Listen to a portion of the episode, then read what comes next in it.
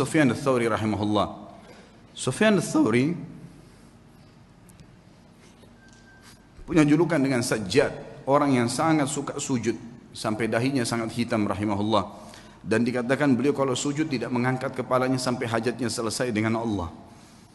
Satu waktu khalifah meminta dia untuk menjadi hakim. Untuk menjadi hakim, punya jabatan. Dan waktu itu hakim gajinya lebih tinggi daripada khalifah, punya istana yang mewah, punya kereta kencana dan seterusnya. Yang jelas teman-teman sekalian ditawarkan dia menjadi hakim dan dia nolak. Karena waktu itu dia seorang ulama. Sofyan al-Thawri seorang ulama Mekah yang terkenal. Dan memang dia orang yang paling layak, paling faham tentang perkara-perkara masyarakat. Lalu dia nolak dengan santun mengatakan saya tidak bisa dan saya khawatir saya akan dihisap oleh Allah hari kiamat kalau saya berhukum yang salah. Maka khalifah mengatakan kau harus menjadi. Karena dia nolak dan dipaksa, akhirnya dia pun melarikan diri dari Mekah. Dia jalan teman-teman sekalian. Sufyan al-Thawri rahimahullah jalan dengan menggunakan jubah menutup kepalanya dan meninggalkan Mekah. Sampai jalan menuju ke Yaman. Selama tiga bulan perjalanan kaki sampai di sebuah di Yaman, kemudian dia tiba di sebuah kebun kurma. Kemudian dia menawarkan diri untuk menjadi pegawai di kebun kurma itu dan orang tidak tahu siapa dia.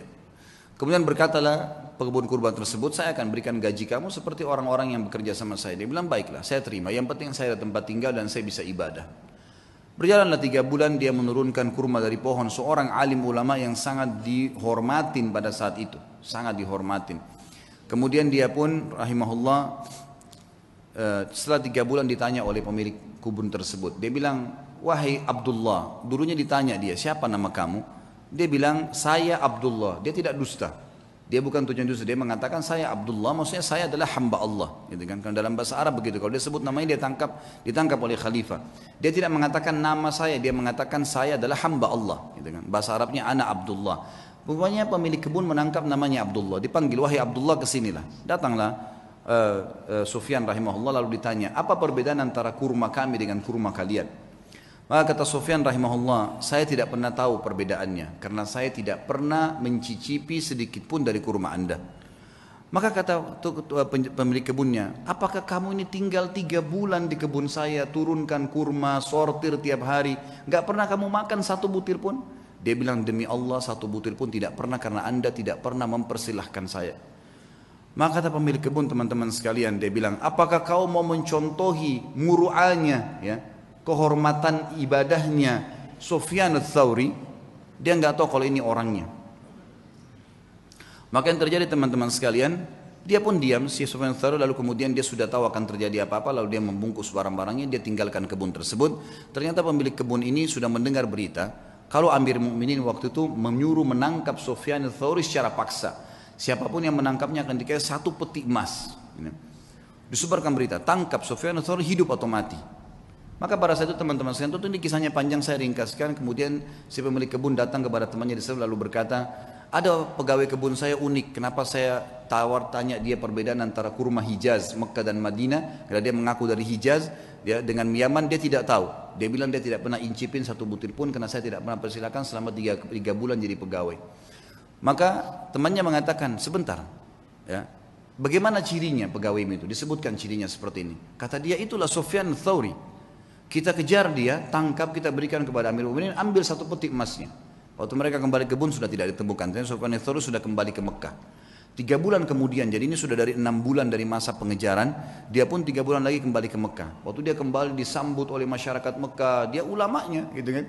Muftinya Mekah pada saat itu lalu disambut, mereka pun belajar.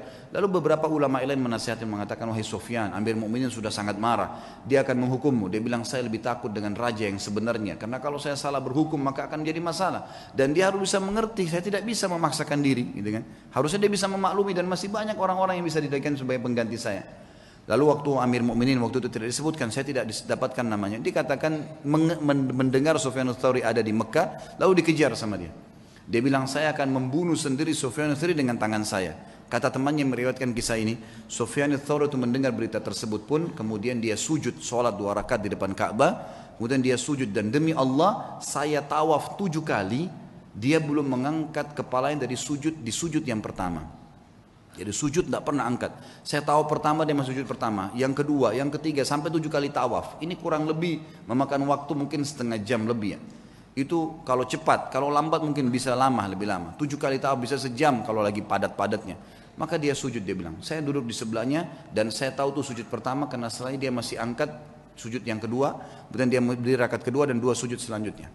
Yang jelas teman-teman sekalian selesai sholat saya melihat dia kata perawi kisah ini mendatangi Ka'bah lalu memegang kain Ka'bah sambil mengatakan aksam tubika robbi saya bersumpah atas namamu hai Tuhanku jangan biarkan khalifah ini untuk masuk ke Mekah maka yang terjadi adalah dikatakan dalam kisah ini Amir Mukminin pun waktu khalifah itu waktu mendekati pintu gerbang Mekah ya sempat berkemah dan meninggal sebelum masuk ke dalam Mekah.